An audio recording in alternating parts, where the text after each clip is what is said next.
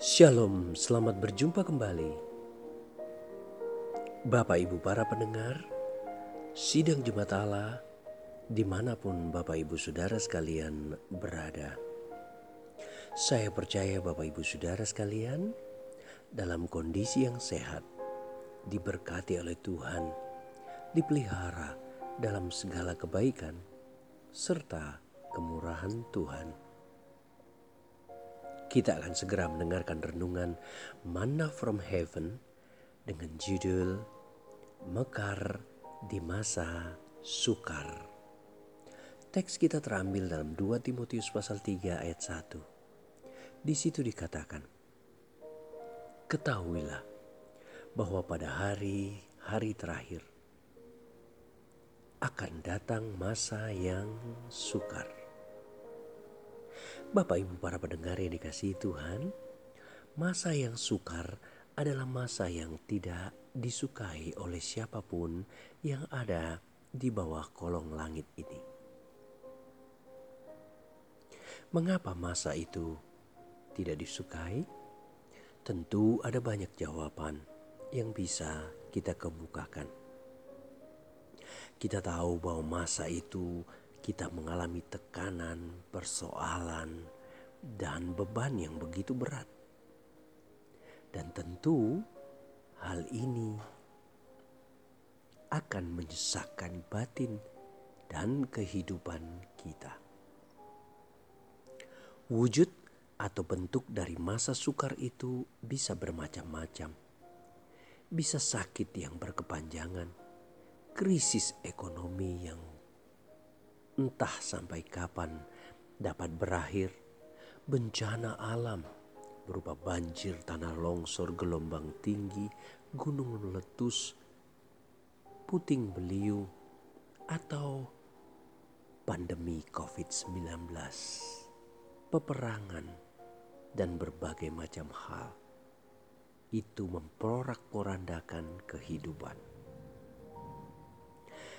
Kata bahasa Yunani untuk masa yang sukar disebut kalepos. Kata ini menunjukkan suatu keadaan yang benar-benar amat sukar, masa kesusahan yang besar, suatu keadaan yang chaos yang tidak bisa lagi dikontrol dan dikendalikan oleh manusia, baik dalam hal ekonomi, politik, sosial, dan lain sebagainya. Bapak, ibu, para pendengar, saudara sekalian, firman Tuhan mengingatkan kita bahwa pada hari-hari terakhir akan datang masa yang amat sukar masa kesusahan yang besar, dan akan terjadi kekacauan.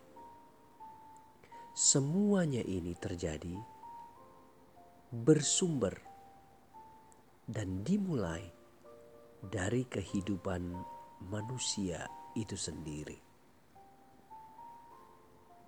1 Timotius pasal 3 ayat 2 sampai 5 menerangkan kita tentang hal itu manusia akan mencintai dirinya sendiri dan menjadi hamba uang. Mereka akan membual dan menyombongkan diri. Mereka akan menjadi pemfitnah. Mereka akan berontak terhadap orang tua dan tidak tahu berterima kasih.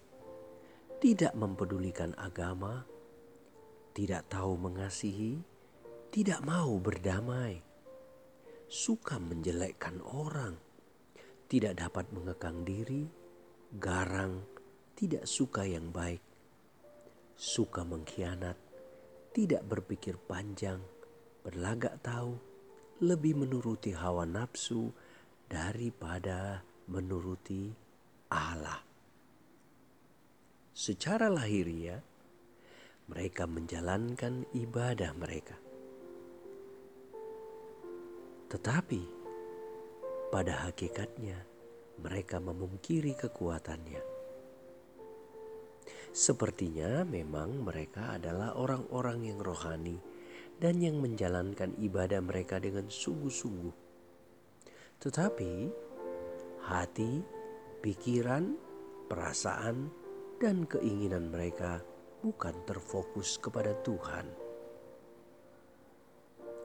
Karena itu, pada hakikatnya mereka memungkiri Tuhan.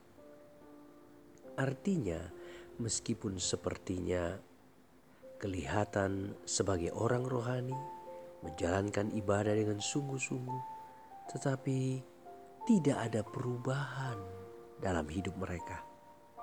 Mereka menolak untuk berubah karena mereka lebih memilih untuk mengutamakan keinginan-keinginan mereka yang berdosa.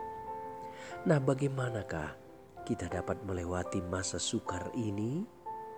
Firman Tuhan memberikan kita kunci untuk menang.